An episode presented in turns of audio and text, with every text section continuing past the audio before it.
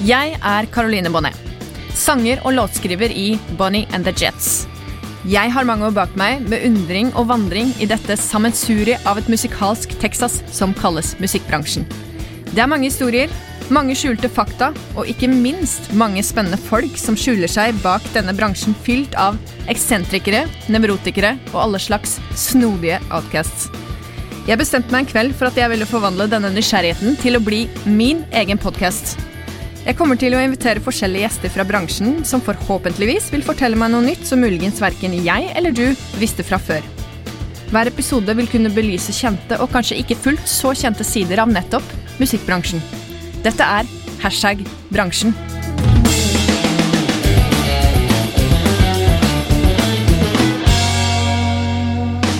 Gjesten i dag har siden 2008 opptrådt som musiker og sanger, og både som soloartist og korist for ulike TV-shows og artister.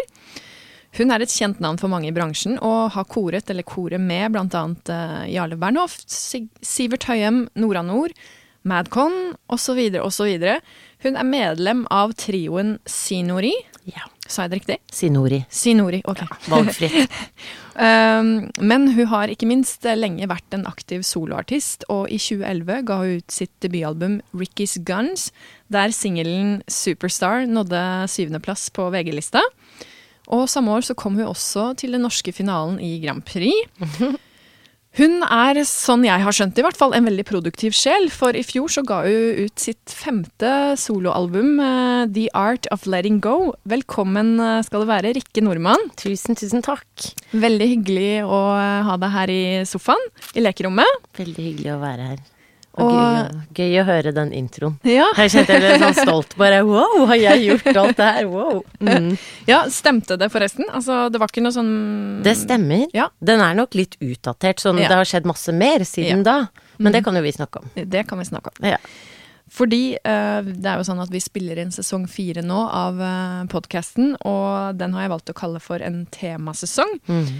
Og med deg, Rikke, så har jeg lyst til å snakke om balansen i det rollebytte det innebærer å veksle fra det å være soloartist med sine egne ting, til det å være korist og backe andre. Mm. Uh, og hvordan finne balansen i det, rett og slett. Det er et spennende tema, syns jeg. Mm. Men det skal vi komme litt tilbake til, fordi først så har jeg lyst til å spørre deg, som jeg spør uh, de andre gjestene mine om. Hva Mm. tenker du når jeg sier hashtag bransjen?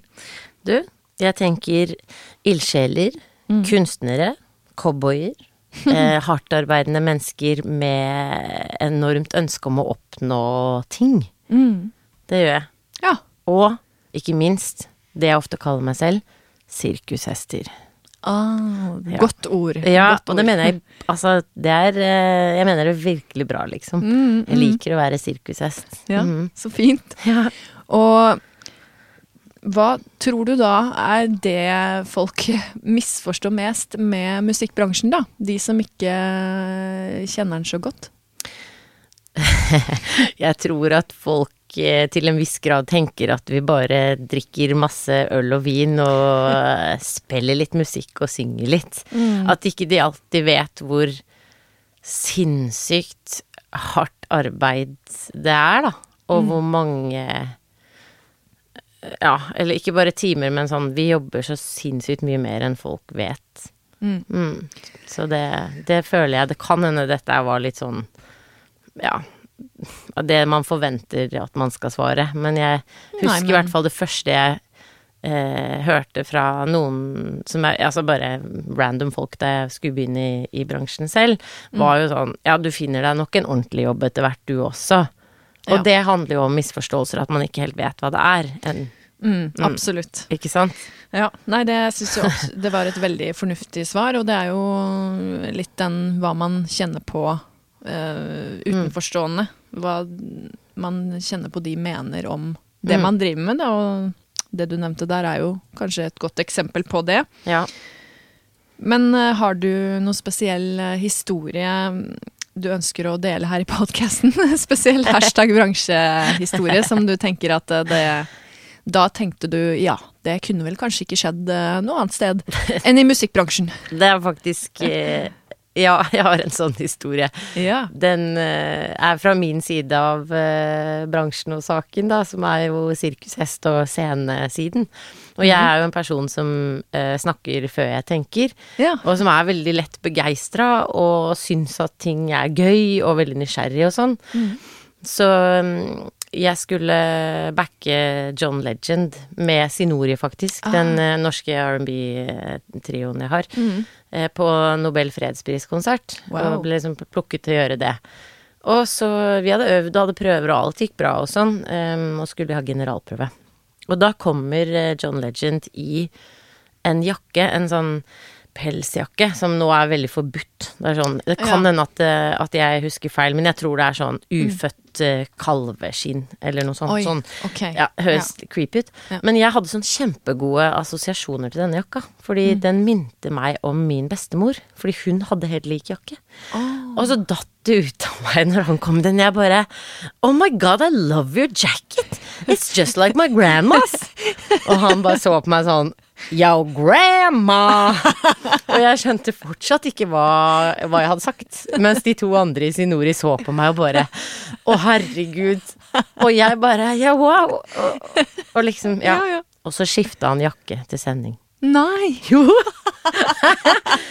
så, men etterpå så kom han bort og eh, ga oss alle tre en klem og Ja. var sånn good job og Og jeg tenker dette er noe som jeg syns er superviktig med vår bransje. At vi må huske på at alle er mennesker i bånd. Det er jo han òg, og jeg, Ja, og alle. Ja. Så jeg tror han kommer nok ikke til å glemme det der. Eh, og ikke jeg heller. Og jeg syns Jeg blir varm i hjertet mitt av å tenke på det. Ja, så bra. Ja. Det er jo en uh, fantastisk historie Hjelp. hvor man da bare mm, egentlig, ja, mener det som et kompliment, og Ja. så blir han da sin Kanskje han fikk en sånn usikkerhet da rundt eh, Ja, det kan Ja, hende. Han måtte i hvert fall Han tenkte i hvert fall litt på den jakka, tydeligvis. tydeligvis. Ja, det var morsomt. Morsomt. Ja. Men du starta jo ganske tidlig i musikkbransjen. Eh, Mm. Hvor gammel var du når du begynte å jobbe profesjonelt med musikk? Profesjonelt var jeg kanskje Jeg må tenke 25. Jeg har lyst til å si 25. Mm. Jeg husker ikke helt, for det er så lenge siden nå. Eh, men jeg var vel akkurat kommet tilbake fra Leeds, hvor jeg studerte musikkproduksjon. Oh, ja. Jeg gikk eh, Jeg og en annen jente gikk sammen med 99 eh, gutter på 19 og studerte musikkproduksjon Kult. på Leeds College of Music. Og så hadde jeg akkurat kommet tilbake og var med på et arrangement på Parkteatret med egne låter. Og der var også Nora Nord. Ja. Så det var en kveld eh, hvor mange forskjellige artister opptrådte med et par låter hver, ikke sant. Mm. Og så kom jeg i prat med hun ene som eh, koret der. Og så sier hun at de to andre i korrekka, de, de skulle slutte av en grunn. Så hun var sånn 'Å, jeg er helt fortvila, vi har ikke korister lenger'. Og så detter det ut av meg, da, som tenker etter jeg snakker. Men kan ikke jeg kore? Ja. Ja. Ja, og men, så, så fint. plutselig var vi på turné med Nora Nord. Og det var på en måte starten, vil jeg si, av min profesjonelle karriere som korist. Ja. ja, det var jo veldig sånn hoppe i det, på sett og vis, da. Ja, ja, det var egentlig det. Mm. Og det Ja, for da har det liksom egentlig bare rullet fra da. Mm. Og det er jo veldig sånn, hva skal vi si, sånn jungeltelegraf, uh, word of mouth-basert, Ja. det greiene her. Det er jo absolutt det. Mm. Eh, Selv om det er social media og det som er, så er det jo den derre gammeldagse jungeltelegrafen som er veldig mektig Mm. i disse dager også, ja. Ja, og i hvert fall da jeg starta, så da var det jo liksom egentlig akkurat rundt Eller det var jo ikke så mye sosiale mediegreier da. Nei. Jeg husker jo da jeg var med i Grand Prix, som du nevnte i sted, så Facebook var eh, litt sånn fremmed. Så Ja. vi, vi hadde liksom Jeg var med en, i en duett, liksom, da, på Ja, jeg har vært med to ganger.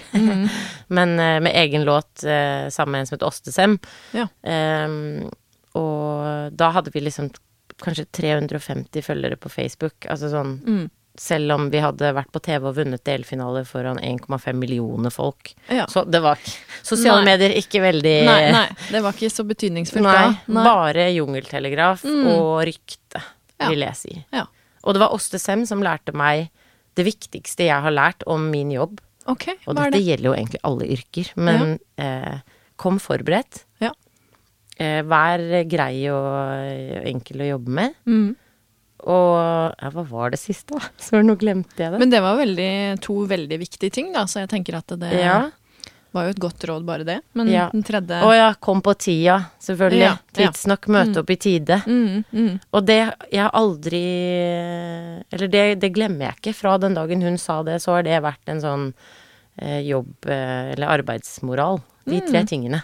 Ja. Bare, og i hvert fall som korist så er man ofte nederst på rangstigen. Mm. Du er den som sist får fiksa med lytting, du er den Altså, man blir nedprioritert, liksom. Ja. Fordi en trommis er litt viktigere enn en korist, uten at jeg mener det. Skjønner du hva jeg mener? Ja, jeg, jeg skjønner uh, logikken der. Eh, Eh, Hvis du ikke har beat, så mm, da ble det faller jo alt vanskeligere. sammen. Ja. Mm, ja. Så jeg mener ikke Jeg setter ikke noe opp mot Nei, nei, hverandre. nei, men mener at vi er like mye verdt, men Men det kan vi komme litt tilbake til Ja, ja. etterpå, akkurat det med Mhm. koristen sin rolle og sånne ting. Men, eh, men de tre råda var da kom tidsnok, vær forberedt. og vær snill og grei. ja, vær eh, hyggelig å jobbe Ja. med. ja. Man kommer langt med det, altså, uansett hvilken bransje man Ja. er i, tenker jeg. Ja. Eh, men når du da mm, startet veldig plutselig da som korist på en turné, ja. var det, mm, som du sier, så ble det jo litt sånn Oi, ja, nå jobba man fullt med det her, men uh, har du noe spesielt minne fra når du følte at ok, nå er jeg en del av det her? Var, kom den veldig fort, den følelsen, eller var det sånn at du på sett og vis måtte mm, luske deg litt fram, eller Jeg skjønner hvor du vil. Ja. Eh, jeg eh, som person er en som ikke får med meg hva jeg gjør før sånn tre år etter alle andre. Så det var okay. ikke sånn at jeg bare Nå er jeg korist. Nei. nei. Jeg tenker jo alltid sånn Hæ, nei, men jeg driver jo ikke med Eller jeg Ja. kan jo ikke Og så sier alle sånn Men du er jo låtskriver. Så bare Mm. Nei, men jeg skriver bare noen låter, tenker jeg. Og så tre år etterpå så bare Å, men Ja. jeg er kanskje låtskriver. Eller da Ja. i dette tilfellet Ja. korist. Men det tok jo Det tok noen år før jeg tenkte på det på den måten. Mm. Fordi i starten så var det jo veldig eh, spennende og eh, nytt og gøy og veldig sånn Man føler seg veldig heldig. Mm. Og glemmer at man jobber hardt også. Ja. Mm.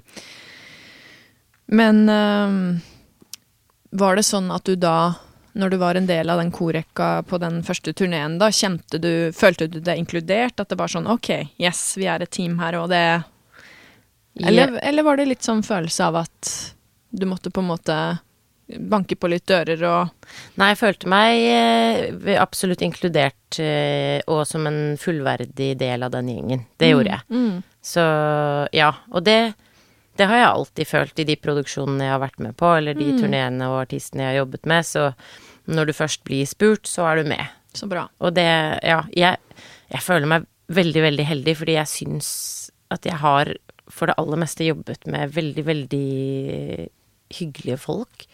Bra artister, bra apparat. Eh, jeg føler meg generelt satt pris på, selv om det er masse ting jeg kan si. Mm. Så føler jeg at jeg har jobbet med fine ting hele veien. Så bra. Mm. Uh, nå har jeg lyst, lyst til å snakke litt om uh, det jeg da tenkte skulle være tema når jeg hadde lyst til å invitere deg som gjest. Yeah. Fordi du har jo tydeligvis da funnet en veldig bra balanse i det å uh, jobbe som soloartist og jobbe som korist. Og det å Det må jo være en sånn slags balansekunst. Altså, du nevnte ordet sirkushest uh, Ja. i starten her. Men uh, jeg vet ikke du, hvilke refleksjoner du har rundt det å skulle balansere mellom de to forskjellige rollene. Har du noe, Altså, tenkt noe på det?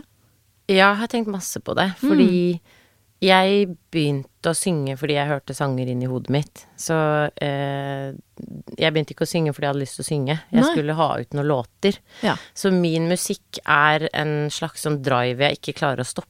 Mm. Det skjer bare. Ja. Og fordi jeg alltid har vært sånn livredd eh, for ikke å være bra nok, og litt sånn Nå er Ludvig i Flåklypa som er redd for alt er Ja. nytt, og ikke tør å spørre om hjelp og sånn. Mm. Så starta jeg jo dette labelet mitt, Ricky Leaks, og ga ut musikken selv. Fantastisk navn. Det Creds for det, altså. Takk. Ja. eh, så det, det der egen musikkbiten Det var jo også sånn jeg ramla opp i den første korjobben, at jeg opptrådde med egne ting. Ja. Så, og så datt det jo bare ut av munnen min at jeg skulle være med å kore. Så den egen musikkbiten, det, det er noe som bare skjer. Jeg prøvde å slutte fra jeg starta, fordi Hvorfor det? Mm, nei, fordi det er mye følelser da, og mye hjertesmerte blandet med frykt og eh, ikke tørre å spørre om hjelp. Nå har det gått over, altså endelig, men Bra. det tok jo 20 år sikkert, da. Så, Ja. Men det har jeg aldri klart å stoppe. Mm, og så er jo jeg en lagspiller, holdt jeg på å si. Jeg liker å gjøre folk bra. Jeg liker å hjelpe folk, da, uansett hva det er, egentlig. Det, det gjør meg glad. Og det er nok litt av grunnen til at jeg trives godt i koristrollen òg. Å synge med andre, forsterke deres uttrykk, forsterke deres eh, visjon. Ja. Og balansen for meg eh, har jo egentlig vært Altså, i perioder er det jo ikke balanse. Da er det jo Nei. så mye jobb at man ikke gjør egne ting, og da mister jeg meg selv. Ja. Og så hvis jeg bare gjør egne ting, så føler jeg meg ensom fordi jeg ikke har noen å jobbe med. Fordi Mm. som liten artist så har man ikke store apparater, og, og jeg skriver alle låtene mine selv, jobber alene mye, da. Ja. Så jeg er litt avhengig av å gjøre begge deler, og jeg Ja. trives så godt med det. Mm, mm. Så, men, jeg, men jeg må ha en balanse der. Det må være litt av å hjelpe andre, og litt av meg. Mm. For nå har, for eksempel nå i sommer, da, så har det jo vært kjempemye med alle andre. Ja. Og ja, jeg kom hjem fra Hver gang vi møtes innspilling nå for en uke siden. Okay. Og da var jeg litt forfjamsa. Altså, jeg hadde hatt det så gøy og gjort så mye bra ting med andre artister og eh, ja, Mm. hjulpet dem, da. Men, men på slutten så sto jeg litt og klødde i hele kroppen sånn Hvem er jeg? Da hadde jeg mista meg selv litt. Mm. Så da måtte jeg hjem, og så måtte jeg rett og slett bare skrive masse sanger som renner ut, da. Mm. Og så sove. Fordi det er jo intenst, dette Oh yes. Spesielt TV-innspillinger. Mm. Fordi på mandag som kom, så skulle jeg ut på turné med egne ting. Jeg er på skoleturné nå. Ja, for nå. det hørte jeg jo du sa når vi avtalte å skulle snakke Ja. i dag. Eh, Mm. Fortell litt om det, da. Den skoleturneen. Det er egne ting, sier du. Det er egne Ja, ting. Og det er det kult. eh, Jeg tenkte sånn, shit, jeg er ikke klar til å dra på egen turné nå så tett oppå Jeg har jobbet 24 timer i døgnet på hver gang vi møtes, og så har jeg tre dager å hente meg inn og forberede meg til å dele hjertet mitt og snakke om det som er viktig for meg med unge folk. Ja. Dette er veldig viktig for meg, liksom. Så jeg var sånn hvordan skal dette gå? Men første konserten på mandag, da landa jeg i meg selv igjen. Åh, så da så den balansen tilbake igjen. Ja. Ja. Mm. Så det er eh, Jeg spiller eh, bare en konsert med egne låter. Mm. Fordi for eh, DKS så Jeg tror de har funnet en slags knagg å henge meg på. DKS, Den kulturelle skolesekken. Mm. Og den knaggen er Jeg er hun som snakker om eh, vanskelige ting og store følelser gjennom musikken min. Og det visste ikke jeg at jeg gjorde, fordi dette er jo ting som bare Jeg skriver jo bare det som jeg skriver, og det er jo ofte litt sånn terapeutisk og selv eh, Hva skal vi si luke bedet sitt. ja, det kjenner Ja. igjen den. Mm. Ja, det kan jeg tenke meg. Så, men de har da eh, funnet ut at det passer inn i ja, noe de vil sende rundt til elevene. Så bra. Mhm. Og det trives jeg kjempegodt med, fordi jeg føler at jo mer ærlig jeg er, eller jo, jo, jo mer jeg er meg selv, jo lettere er det at det snakker til dem. Mm. Så, og da er det jo Altså, jeg bare kommer, og, og så er jeg meg selv, og så spiller jeg en sang, og så forteller jeg hva det handler om.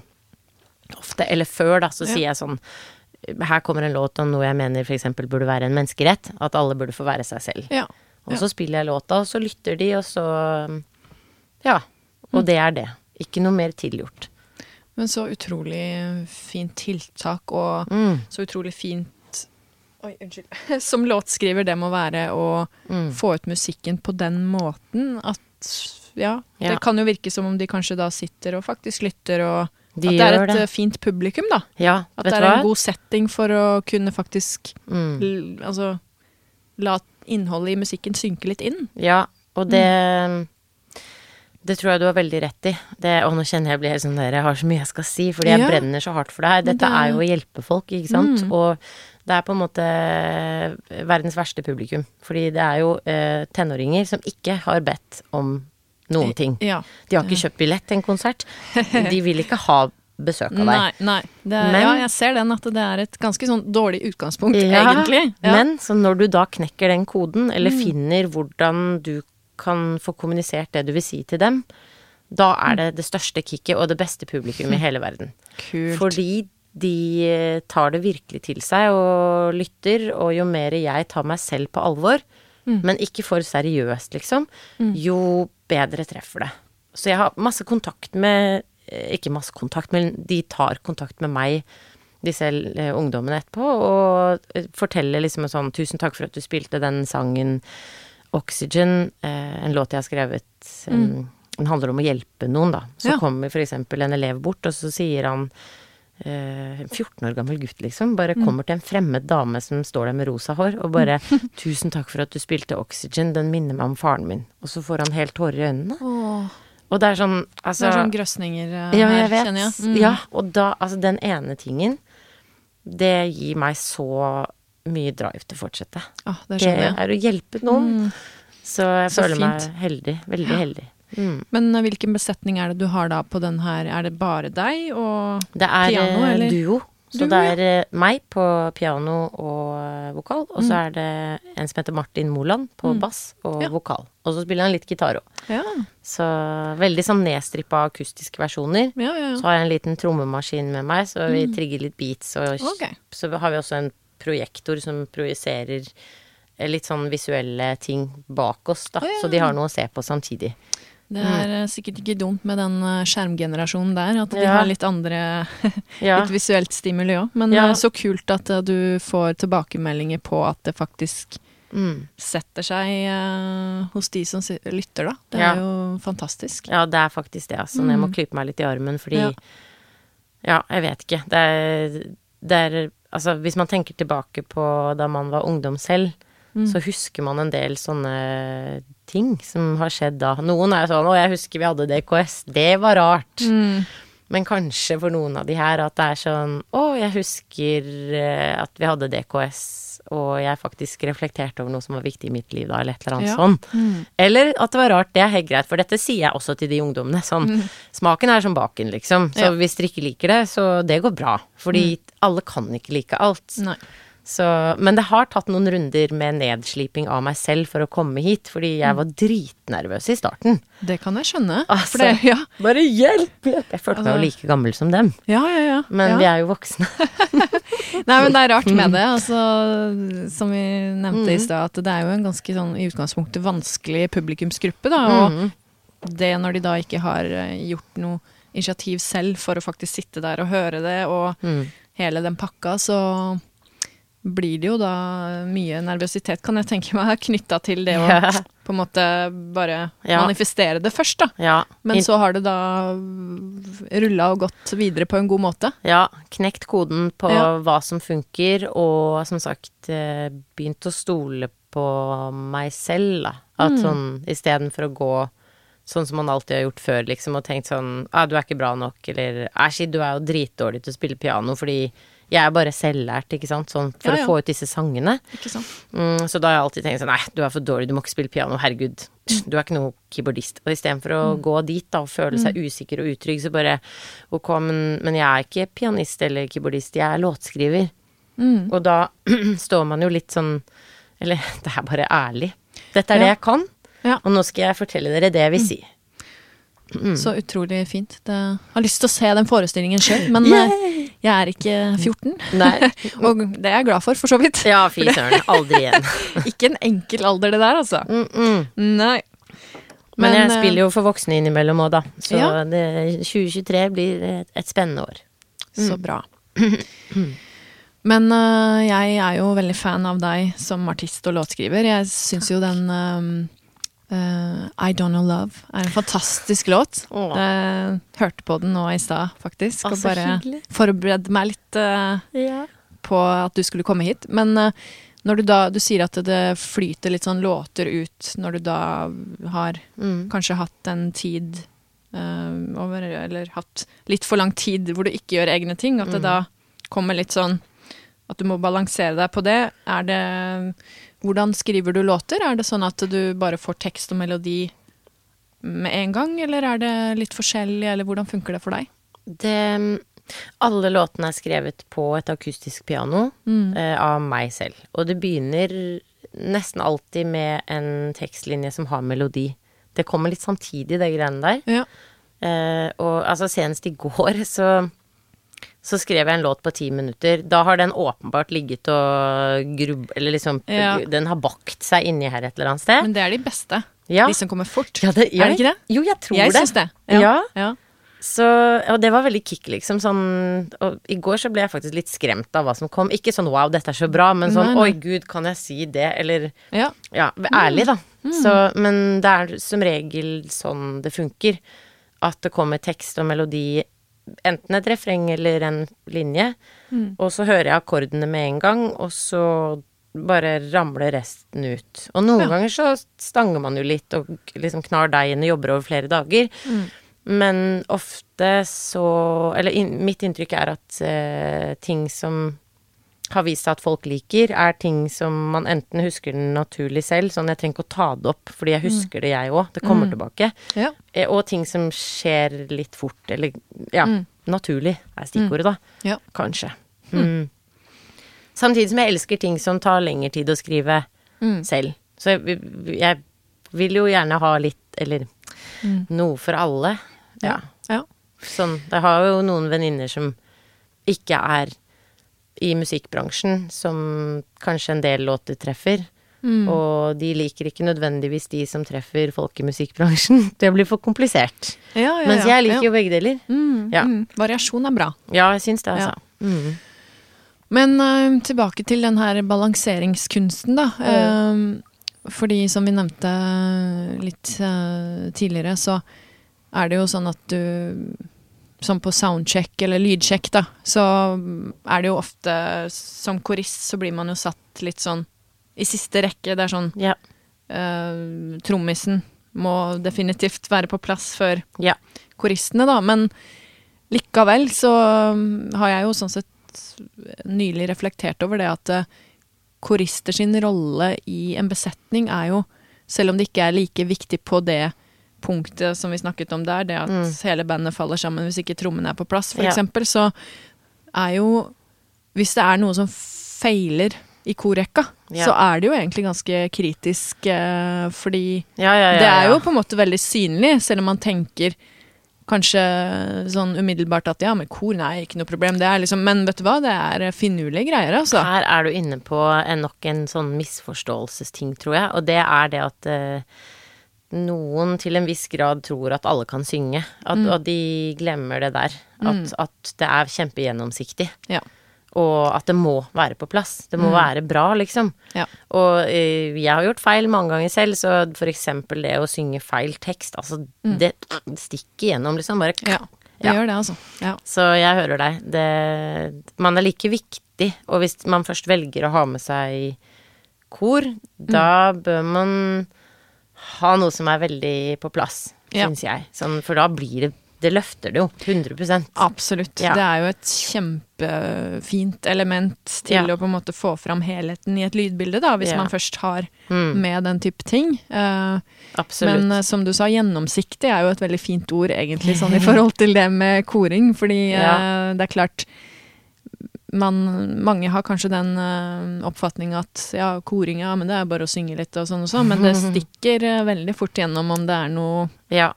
uh, surt eller noe feil tekst eller sånne ting, så er det Ja. klart det Har du kjent på at noen sånne holdninger har vist seg i bransjen, på en måte? At det liksom Nei, men at du ikke har følt at koristene har fått den plassen de fortjener, da? Mm, nei, jeg tror ikke jeg har følt på det selv. Sånn, jeg føler som sagt at jeg har vært med på veldig fine ting hvor jeg har bli, blitt satt pris på, og også fått lov å skinne.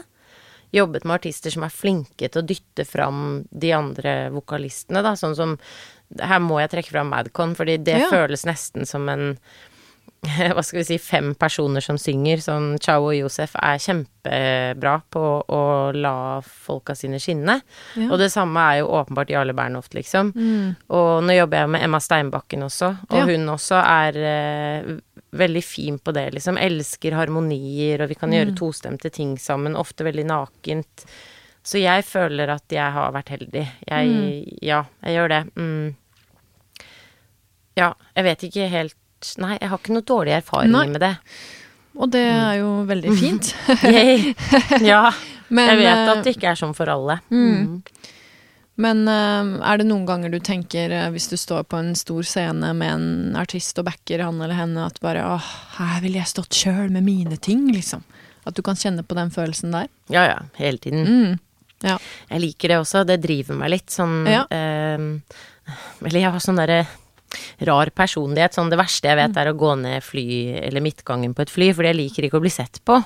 ja. Men samtidig så vil jeg jo stå på scenen med egne ting. Ikke sant? Ja, Ja. det er jo litt sånn paradoks det der, da. Ja, så jeg har aldri vært opptatt av liksom det derre å bli kjent eller eh, de, sånn det kjendiseribiten av å være egen Nei. artist, det har jeg aldri vært så veldig opptatt av. Nei. Mm, Det handler om musikken, og ikke minst skape det som jeg vil skape. Og der er jeg nok Jeg vil ikke si kompromissløs, fordi Men jeg har veldig behov, da, for å lage det jeg vil lage.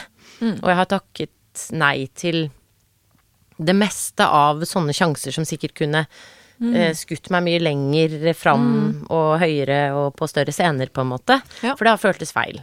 Ja. Og det er jeg veldig glad for nå, fordi jeg tror helt ærlig Hvis jeg hadde takket ja til å dra til LA da jeg var 25, liksom, og bli popstjerne, Ja. at jeg hadde vært en bortskjemt liten drittunge.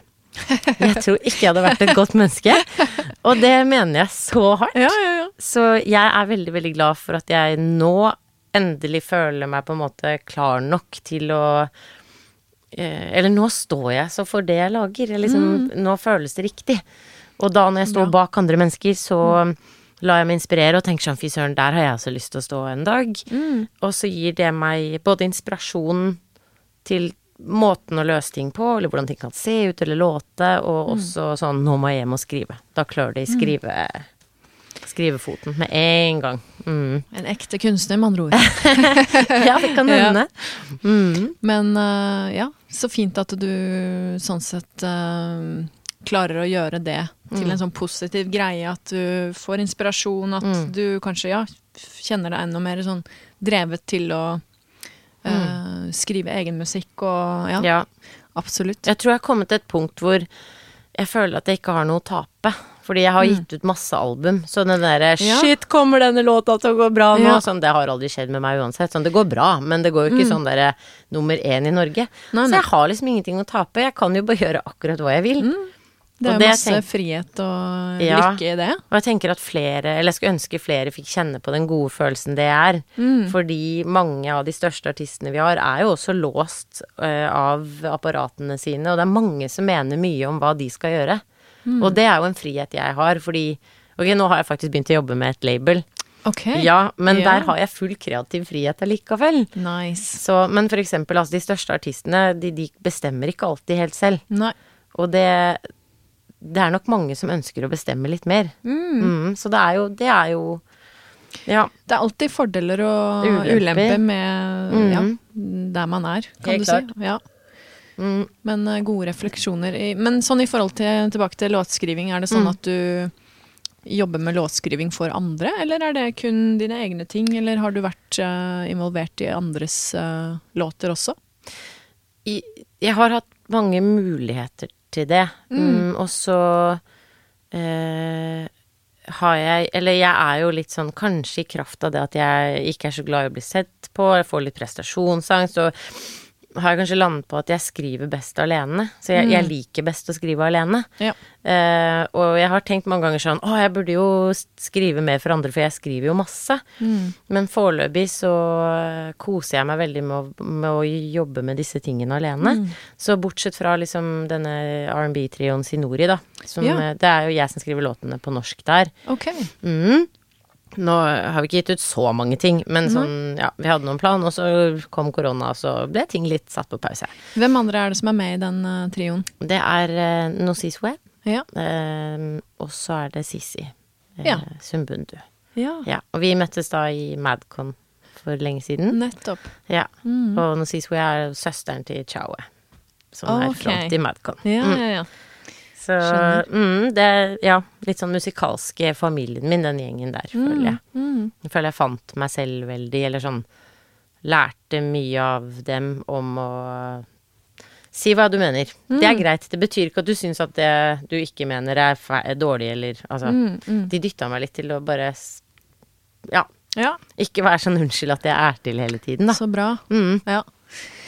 Det Og det, kommer godt med i koristgreiene også.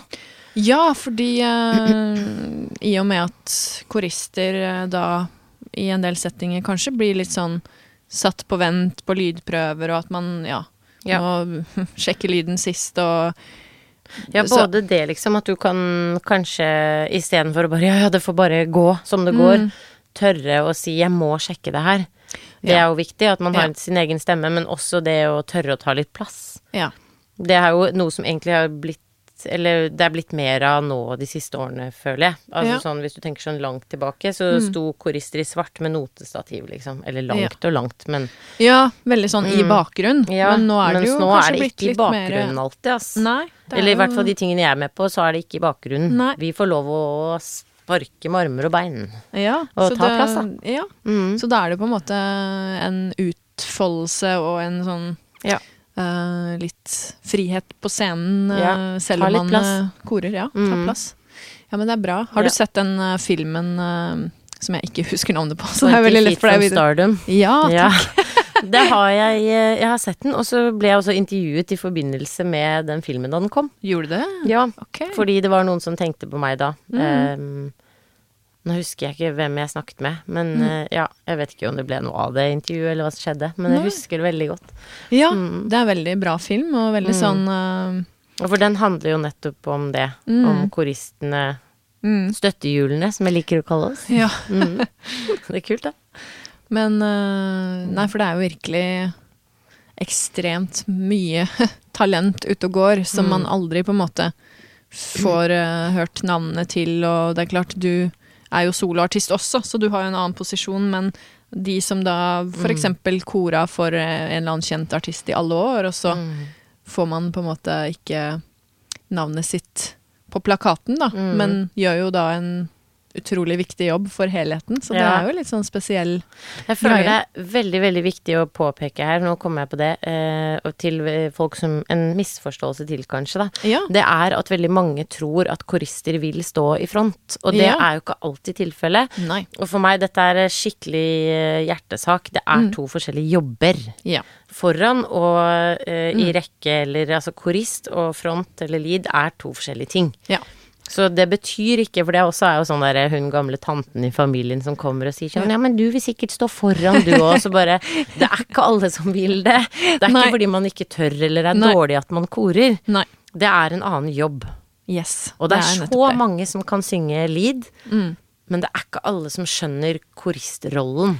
Det er jo et gen som heter korgenet, Ja, ikke sant? som jeg om- føler at uh, korister bør inneha, da. Ja, Ja. og det handler om så mye mer enn å kunne synge i harmoni, Mm. liksom. Sånn Det er et eller annet med å forstå um, settinger og Ja. plassen din. Mm. Når du kan snakke, og når du ikke bør snakke, fordi det, Mm. du er ikke stjerna. Sånn, det handler om så mye, da. Som jeg syns er superspennende, liksom. Veldig, veldig. Mm.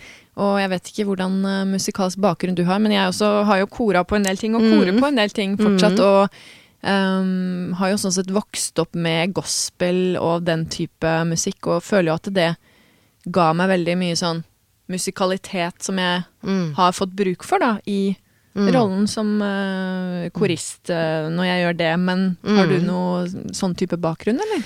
Altså, jeg kommer jo fra en jeg, jeg vil si umusikalsk familie. Ja. Det er bare jeg som driver med musikk, men pappa eh, har alltid hatt en veldig stor eh, platesamling.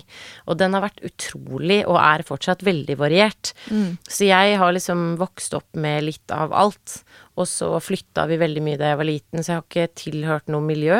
Mm. Men jeg har ikke gått i korps. Jeg har sunget i kor, men det var et halvt år her og et år i England. Altså Ja. sånn veldig lite jorda noe sted, da. Mm. Og det tror jeg egentlig Eller har vist seg å være bra, fordi jeg er jo litt sånn potetperson når det gjelder å kore. Jeg kan gjøre veldig, veldig mye forskjellig. Mm. Og det tror jeg handler om at jeg har eh, bare måtte Eller jeg har bare hørt på mye forskjellig, og er, kommer ikke fra én sjanger. Nei. Men jeg kommer ikke bort fra at alle sier sånn Du det er litt sånn soula det du driver med, eller sjelfullt, eller sånn. Ja. Det, det dukker alltid opp, liksom. At Ja. det er noe sjelfullt i syngingen. Så det kommer jeg ikke vekk fra. Men jeg kan gjøre veldig mye, da. Sånn Det hørtes skrytete ut, så det Mm. Nei, mente jeg men ikke, eh, det er det ikke lov å men- skryte litt av seg selv? Jeg syns det er fint, jeg. ja, ja, nei, men jeg føler at jeg kan se eh, Ja, og nå kjente jeg ble flau. Jeg er ikke så glad i å skryte av meg selv. Men, eh, men jeg, jeg kan jo se det på track record, at jeg Ja. har gjort veldig mye forskjellig. Jeg funker i mange sammenhenger. Ja, for det er jo mange forskjellige sjangre i de artistene du backer Ja. og har backet, da. Og også på TV er det jo Ja. enda mer. Og TV, kor på TV er en helt annen ting enn kor eh, live. Ja, Fordi det, fortell litt om det Det er jo enda mer gjennomsiktig. Altså, Ja. nå sitter jo noen og produserer ting, men sånn Mm. Da jeg begynte å kore på TV, så var det ikke så mye tracks på Eller sånn, altså vokaltracks, da. Det var ikke så mye ting på tape. Da var det live kor ut. Ja. Og på direkten da, så eh, Så høres ting. Og det er en veldig sånn unforgiving Et unforgiving format. Ja. Mm, men også kanskje som studiokor så gir det jo rom for mer dynamikk. Mm. Altså live så, og dette vet jeg veldig mange lydteknikere eh, er glad i, de vil ha output, liksom. De vil at det skal være lyd inn i mikrofonen.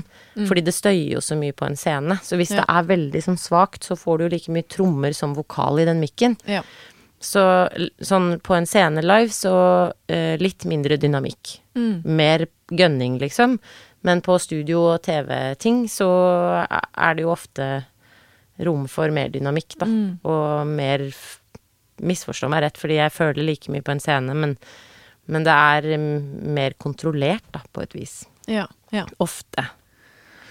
Så mm, Hmm. ja. Ja. Det er jo to forskjellige settinger, som du sier. Mm. Men eh, Og det er veldig gøy, for det er så mye man kan lære om kor, liksom. Mm, Eller så mye mm. om denne rollen som Sånn som det, da. Som Mm. gjør det interessant. Ja. Mhm.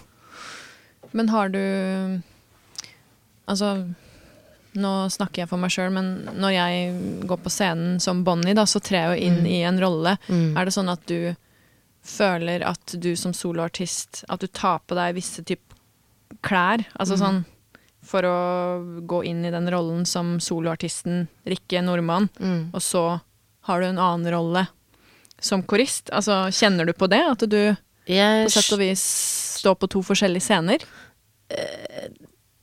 jeg skjønner hva du mener, og jeg måtte bare tenke litt på det, fordi Mm. eh, sånn per i dag så føler jeg egentlig nei. Jeg Mm. føler at jeg er ganske den samme uansett. Ja. Men selvfølgelig eh, så vet jeg jo plassen min, på en måte. Men jeg føler at jeg er ganske den samme i alle settinger. Mm. Og det er kanskje fordi det har vært større kontrast mellom meg som artist før og nå. Fordi eh, nå føler jeg at det bare er Det, det, det er skjært ned til beinet. Som det er jo Musikken min er veldig utilgjort. Jeg liker Ja. jo at de ting ikke er perfekt. Jeg liker at det er litt sånn rått og ekte. Eh, Følelser eh, bare ærlig, på en måte, da. Mm. Så selv om ikke alt man produserer i studio er sånn, men live så Mm. føler jeg at det er litt sånn, sånn som jeg er, da. What you see is what you get. Ja. Fordi jeg klarer jo ikke å tenke før jeg snakker, og jeg har alle følelsene utapå hele tiden. Ja. Så det Mm. Jeg elsker folk som tar på seg klær sånn som du sier at du Mm. gjør, og Mm. går på scenen og tar på alter egoene sine og sånn. Det er superkult, og det kan nok hende at det, det skjer igjen. Og til en viss grad så gjør jo alle det. Mm. Men akkurat nå så føler jeg at jeg er veldig meg. ja. Mm. Men det høres jo veldig bra ut. Ja, det passer i hvert fall nå. Ja. Mm. Men eh, når du da korer for forskjellige settinger, altså forskjellige artister, band, Mm. kjenner du på at du da må tilpasse deg den type Ok, nå er jeg korist i en Mm. veldig sånn uh, setting hvor jeg må på en måte være sånn og sånn, eller ja, Ja. det var veldig Nei, dårlig du formulert. Men i- man tilpasser Eller en del av det koristgenet du Ja. snakket om i sted, er jo at man tilpasser seg den man skal tilpasse seg, litt automatisk, tror jeg. Ja. Så jeg gjør jo det. Altså spesielt sånn vokalt, så mm. Jeg husker liksom den ene sanglæreren jeg har hatt i hele mitt liv, hun sa til meg når jeg skulle lære låter, så sa hun sånn Du får bare lov å høre på sangene på Spotify to ganger. Men Ja. ikke mer, fordi da begynner du å imitere den personen. Du må spille på piano og synge det selv, for da finner du din stemme. Det er jo egentlig veldig godt poeng. Ja, og, Og det tenker jo mer korgen du har, jo, jo, um, jo viktigere er det. Mm. Så jeg bruker nok det der. Sånn når jeg synger med Emma, så tilpasser jeg meg jo Emma. Sånn da smelter jeg med henne. Ja. Og når jeg synger med Jarle, så smelter jeg med Jarle. Mm. Og, og det samme gjelder jo også litt sånn følelsen i musikken til de artistene du jobber med. Mm. At man, man tilpasser seg jo, man Ja. gjør det. Men jeg føler at jeg gjør det på en veldig meg Eller at jeg, jeg er meg allikevel, da. Ja. Mm. Så bra. Ja, det er spennende. Veldig spennende. Da skjønner Jeg Jeg har ikke tenkt over alt det her før du spør meg Nei, men nå. Men så bra. Det Mhm. er jo et veldig interessant tema, og mm. noe mange kanskje kan kjenne seg igjen i, tenker jeg. Fordi mm. jo lenger jeg holder på med den podkasten her, og jo flere folk jeg snakker med, jo mer innser jeg jo hvor hvor mange det er som faktisk har forskjellige hatter, og som på en måte er flinke balansekunstnere, da. Mhm. For det er jo sånn at det er jo ytterst få som bare gjør én ting. Mhm. Det er sant. Og i hvert fall i den moderne verden nå, Ja. hvor alt blir mer og mer sånn Mm. ja, Ja, så det sammenslått. absolutt. Mhm. Men øhm, har du noe sånn favorittminne fra din koristbakgrunn? Altså noe sånn øyeblikk som du tenker bare åh, det her er fantastisk. Hvor du bare kjente på at det var dritgøy. Ja, jeg, jeg føler at jeg har eh, mange. Men eh, jeg var jo med og turnerte med Jarle Bernhoft eh, i 2014. Eh, og så, eller vi har jo på en måte vært inn og ut av hverandres liv i ti år. Ja. Han synger jo på en av mine låter til og med, som heter Fragile. Ja, uh, det, da ble jeg nesten starstruck når han ville Det være må med jeg på det. sjekke ut. Ja, Og jeg er veldig fan av han. ja, så Men jeg glemmer nok ikke sånn den Altså da vi spilte på Roskilde, liksom, med Jarle, eller da jeg fikk være gjesteartist med han i Konserthuset. En del opplevelser med Jarle kommer jeg nok ikke til å glemme. Eller at han synger på en av mine låter, liksom. Mm. Sånn wow. Ja. Han har vært Grammy-nominert i R&B, liksom. Så det Ja. De minnene Mye minner med han er fine. Og så kom jeg jo heller ikke bort fra at jeg var veldig stoka da vi var på tur med Marcus og Martinus og spilte sånn arenakonserter, altså Globen 2, ja. To dager på rad foran jeg, jeg husker ikke hvor mange det var, men la oss si sånn 15 000 hylende kids, liksom, med mobilen oppe, eller sånn. Det er sånn Det er helt sånn far out-greier. Ja, ja, ja. Som man kanskje ikke skjønte da, men nå bare wow, har jeg vært med på det? Altså en arenaturné, liksom. Mm, mm. Ja. Ja, det høres jo veldig mektig ut, sånn overveldende. ja. Og veldig fint. Jeg er ordentlig, som sagt, takknemlig for de tingene jeg har fått være med på, liksom. Mm. Men Når du ser tilbake da på din uh, reise i musikkbransjen og ditt liv i musikkbransjen, både som soloartist og Mm. korist for så vidt, er det noen spesielle råd du ville gitt deg selv 18 år gamle Rikke, som skulle ut i den store, stygge musikkbransjen? Det der grubla jeg litt eh, på da du sendte meg det spørsmålet, og jeg tror jeg hadde sagt ikke vær så redd for ikke være bra nok. Ikke vær så redd for ikke gjøre feil. Nei, ikke vær så redd for å gjøre feil. ja, ja. Eh, og spør om hjelp. Mm. Ikke ha sånn stolthet eller sånn Ingen er perfekt. Det er jo eh, et det er jo håndverk og craft, altså vi jobber jo Vi utvikler oss hele tiden, så bare Mm. ikke Ja, ikke vær så flink pike. Bare Amen. amen. ja. Men samtidig så tema, var altså. det flink pike som fikk meg så langt, eller ikke ja, sant sånn ja. Men ja, ikke vær så redd. Mm. Eller ikke bekymre deg så mye. Mm. Mm. Det syns jeg var veldig gode råd. Og Jeg håper det, altså, fordi folk må nyte det de eh, får være med på. Og det Ja. Jeg har nytt det veldig mye, men jeg angrer på at jeg ikke nøt det mer. Ja. At man bare 'Å, jeg må sove litt ekstra', istedenfor å ta seg en tur rundt i den byen du var på turné i, og bare 'Shit, dette er jobben min', liksom. At man tar det blodseriøst, men eh, nyter også. ja. Mm. Gode råd der fra Rikke Nordmann. Det, jeg vil si tusen takk for at du kom hit og eh, med meg i hashtag bransjen. Det var veldig stas. Det har vært veldig, veldig hyggelig. Mm. Så håper jeg også du som lytta fikk lære litt, og kanskje litt sånn nye refleksjoner rundt uh, balansekunsten som mange har i den uh, rare bransjen vi er i. ok, så ønsker jeg deg lykke til med videre prosjekter. Tusen takk. Takk for at jeg fikk komme. Bare hyggelig.